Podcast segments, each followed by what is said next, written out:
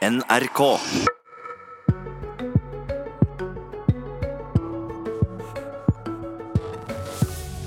Det er nok fordeler for de pengesterke nå, sier Arbeiderpartiet, som i dag foreslår moms på dyre elbiler og langt billigere makspris i barnehagen.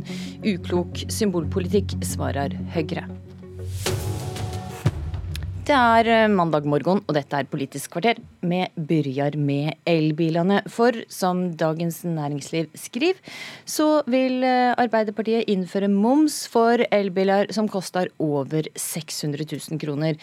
Altså Hvis bilen kosta over dette, får du fritak opp til 600 000 kroner, men må betale moms på prisen over. Finanspolitisk eh, talsperson og nestleder i Arbeiderpartiet, Hadia Tajik, hvorfor gjør det dette grepet når det legger fram alternativ budsjett i dag? Nå er det jo sånn at uh, Omtrent halvparten av uh, nybilsalget er elbiler. Det er også sånn at De aller fleste solgte elbilene de koster under 600 000 kroner. Det har heldigvis blitt sånn at det har blitt uh, flere elbiler tilgjengelig. De har blitt billigere, de har fått lengre rekkevidde. Eh, og så er det selvfølgelig fortsatt en del elbiler som, eh, som, koster ganske mye, som har et luksuspreg over seg. Og det er en ærlig sak å velge en sånn bil, men eh, det er ikke sikkert at fellesskapet skal fortsette å finansiere selve kjøpet av den type luksuselbiler. Hvor mye penger vil det spare på dette? Altså For fellesskapet så betyr det nesten en halv milliard kroner. Og det det betyr er jo f.eks. at man, kan, man har mer penger å bruke på f.eks. å bygge ladestasjoner rundt om i distriktene. Sånn at det å velge elbil skal bli en realitet for, for flere enn det det er i dag. Mange kan jo rett og slett ikke velge det, fordi det, i store deler av landet så er det rett og slett ikke nok ladestasjoner tilgjengelig. Men vil ikke dette føre til at færre kommer til å velge å kjøpe en elbil? Man har ikke grunnlag for å si det, eh, rett og slett fordi man ser jo at eh, de aller fleste solgte elbilene de er jo på under, under 600 000 kroner. Og så er det klart at eh, de elbilene som har et luksuspreg eller et statuspreg over seg, det vil det alltid være et sosialt lag i Norge som vil være interessert i å bruke penger på. Og det må de som sagt gjerne gjøre, men uh, da må de regne med å betale moms for det overskytende beløpet. Men hvis de blir mye dyrere, så vil jo de som ønsker seg en fancy bil, heller velge en fancy bensinbil, da? Altså, veldig mye dyrere kommer det jo eh, strengt tatt ikke til å bli. Eh, man betaler da altså moms for det overskytende beløpet, men man har fortsatt fritak for engangsavgift, trafikkforsikringsavgift, omregistreringsavgift. Og det det betyr, er at hvis du kjøper en elbil Men en halv milliard er jo, altså, det er jo en del penger som staten sparer på dette, da. Så det er, det er jo en del dyrere det faktisk vil bli. For den enkelte kjøper så vil det likevel lønne seg å velge en elbil. La oss si at man velger en eh, elbil til 1 million kroner. Da vil man gjennom hele livstida med det opplegget som man har i dag, eh, betale 7700 kroner i avgifter. Eh, velger man en bensinbil på omtrent 1 million kroner, så vil man betale 570 000 kroner i avgifter. Så selv hvis man innfører en moms på det overskytende beløpet, altså fra 600 000 og opp, så vil det lønne seg å velge en elbil. Så det, det er rett og slett ikke noen grunn for å bekymre seg for at det vil bidra til at eh, elbilsalget i det sjiktet vil gå vesentlig ned. Henrik Asheim, finanspolitisk talsperson i Høyre. Hvorfor er det riktig at staten skal gi momsfritak til deg som kjøper en Porsche Taycan Turbo S? som har den nette prisen av 1,6 millioner kroner. Nei, på sikt er nok ikke det riktig eh, at den ikke skal betale moms. og derfor så er det sånn at... Men hvorfor er det riktig nå? Jo, og det er fordi vi står i et dilemma som politikere i denne saken. Fordi På den ene siden så har vi jo over mange år nå hatt en veldig vellykket elbilpolitikk. og Den har nettopp betydd ikke moms og ikke avgifter på elbil. Det har gjort at vi har verdens reneste nybilpark. Det har gjort at eh, utslippene fra transport i Norge faller dramatisk. Så det har vært en vellykket politikk. Så har vel alle innsett at på sikt så kan man ikke ha null moms og null avgifter på elbiler. og Jeg har forståelse for at Arbeiderpartiet foreslår det. Men grunnen til at vi ikke gjør det nå, er at vi for det første har i plattformen at vi skal videreføre disse ordningene til 2021. Og det er det en god grunn til, nemlig at biler er ganske sensitive for avgiftsendringer. Og hvis vi hadde bare vedtatt dette som Arbeiderpartiet foreslår nå, så ville det så vidt jeg forstår slått inn fra 1.1. Mange har jo bestilt biler som de står og venter på at skal få levert osv. Så, videre, så det er en del sånne ting som det. Så jeg tror at altså, Det er helt åpenbart vi kommer til å måtte fase inn avgifter på elbiler, men vi må gjøre det forutsigbart. På en sånn måte at f.eks. fra 2022 så kan du trappe opp moms, gjerne etter pris eller vekt, som vi har foreslått før. Den gangen stemte Stortinget det ned. Eh, men, men, at det må være en viss forutsigbarhet i det, ikke bare at man kaster det på fra vedtatt i desember og kastes på fra 1.1. Men jeg er litt nysgjerrig på akkurat det, fordi du påpeker jo selv at dere har jo tidligere foreslått en avgift basert på vekt. Eh, det fikk dere ikke gjennom, fordi der fikk dere flertallet mot dere. KrF og Venstre var òg med på å stemme det ned. Eh, jeg er litt sånn nysgjerrig på hvorfor du mener at den avgiften som vi foreslår, det vil være uheldig for elbilsalget. Men den avgiften som dere foreslo og fikk, fikk flertallet mot dere på, det ville ikke vært uheldig for elbilsalget. Nei, altså Dette er nettopp det, det dilemmaet vi står i. Den gangen vi foreslo det da Høyre og Frp sto satt i mindretall, så mente vi at det ville være riktig. Så utvidet vi regjeringen til KrF og Venstre også. Eh, og jeg syns Venstre har ganske gode argumenter for, og det mener jo også f.eks. Zero, at dette må fases inn. Det samme sier Transportøkonomisk institutt, men det er veldig prissensitivt. fordi det vanskelige med det er at Klimamessig så er det viktig for oss det er hvilket valg du tar når du kjøper ny bil. For den bilen kommer til å kjøre på veiene i Norge i 15-20 år framover. Men forstår jeg det riktig, hvis du er egentlig enig med Arbeiderpartiets tiltak, du bare vil ikke innføre det i år, du vil, du vil at forbrukerne skal vite om det, så til neste år? Ja, altså eh, Plattformen går jo ut denne perioden her, da. Men, men, men, men, hvis det hadde vært opp til det, så kunne du gjort det til neste år? Ja, altså Mitt poeng har vært at jeg tror det er veldig viktig å ha den forutsigbarheten. Egentlig et godt forslag, bare at det kommer for raskt.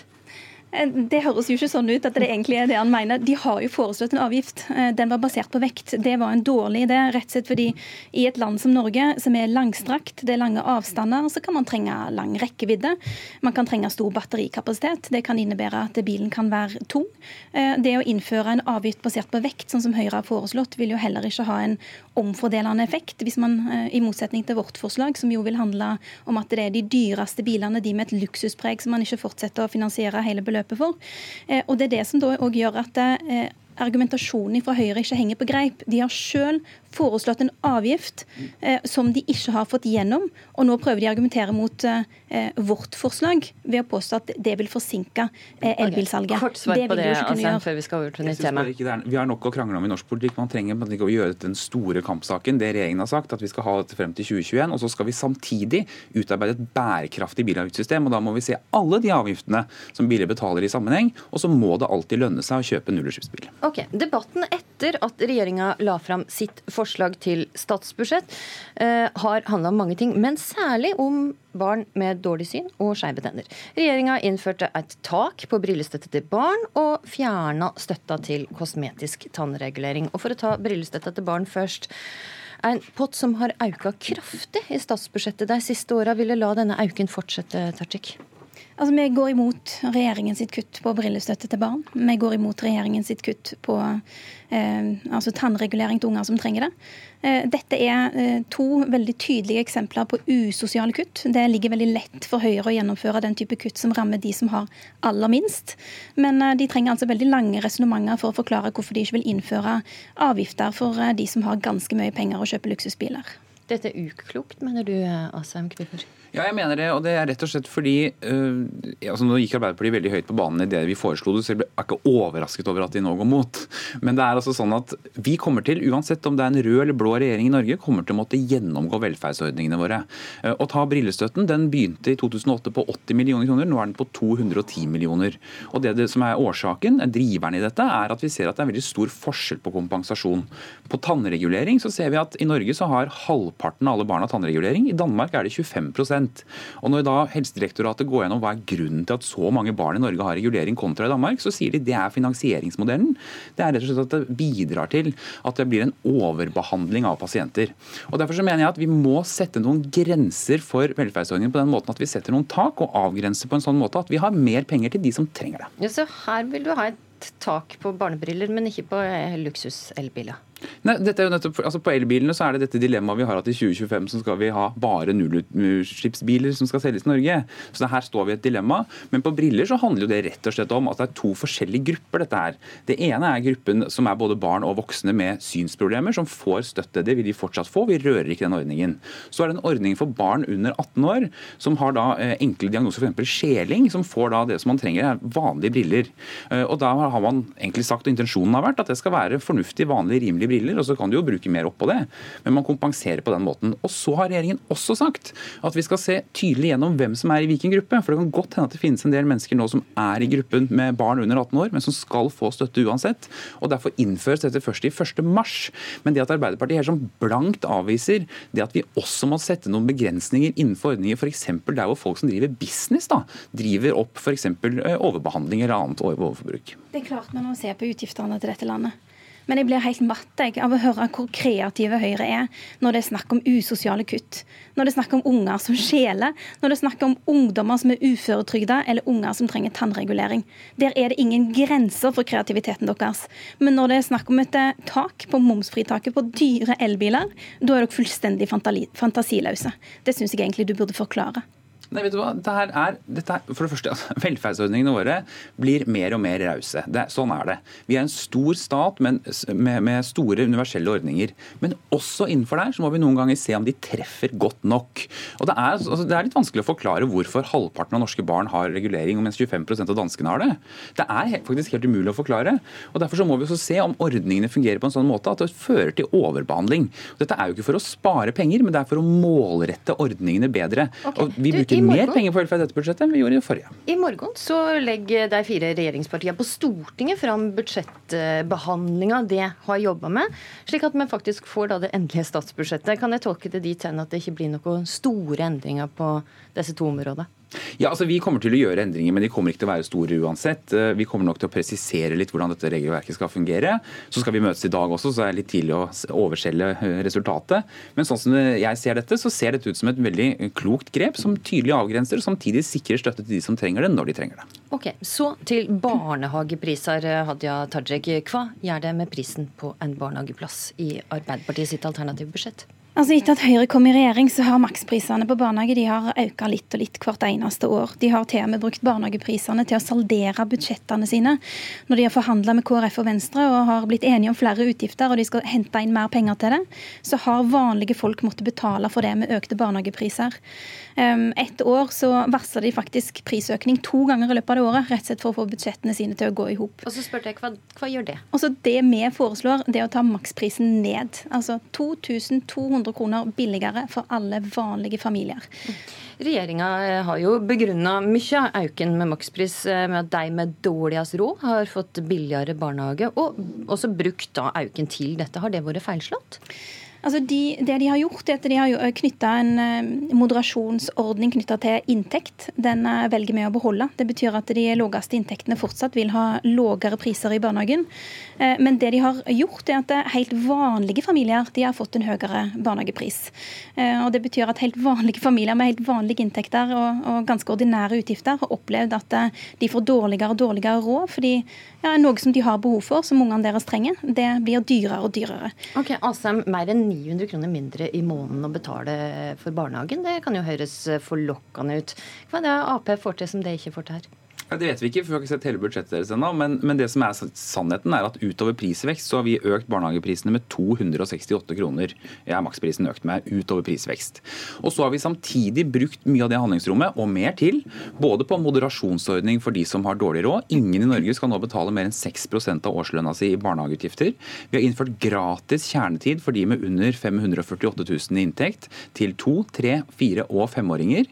Vi innfører nå gratis barnehage for barn på asylmottak. og og vi har laget nye rammeplaner for barnehagene og bemanningsnorm. Så sånn at jeg har ikke så fryktelig dårlig samvittighet. Prinsippet deres er at de som har lite skal få billigere, mens de som har en del kan betale litt mer? Ja, altså vi har en makspris, og den skal stå. Men vi har justert den noe opp, ca. 300 kroner for de som har råd til det.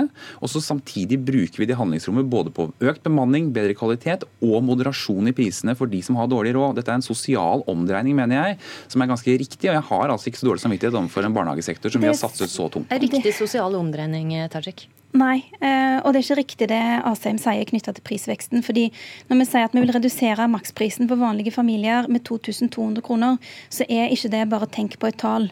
Eh, det det betyr, er at man går tilbake til det prisnivået som man hadde på barnehagene i 2013, og så prisjusterer man det opp mot 2019. Eh, det betyr i realiteten at man må gå ned i pris 2200 kroner i året. Og det er altså det vi foreslår. Og for vanlige familier så utgjør det ganske mye. Norge. Husk at de seks siste åra har nesten 30% av lønnsmottakerne de har opplevd at reallønna deres har gått ned. Lønna deres har blitt mindre verdt. Nå bestemmer jo ikke vi som er politikere hva som skal være lønna til folk, og vi bestemmer jo ikke prisen på alle varer og tjenester i dette landet, men det er en del ting vi bestemmer prisen på. Og barnehage er en sånn ting. Og der mener vi i Arbeiderpartiet at fellesskapet burde være med på å finansiere det mer. Det betyr at vanlige familier må betale mindre. Men det Vi altså gjør, vi har økt noe, så har vi moderasjon, og så har vi i tillegg økt barnetrygden for barn fra 0 til 6 år med 3600 kroner. Så du kan ikke bare se én velferdsordning, du må se hele budsjettet i sammenheng for barnefamilier i Norge. Ok, der må jeg avbryte det. Takk Henrik Asheim, og takk eh, Hadia Tajik. Det var Politisk kvarter i studio denne morgenen var Astrid Randen.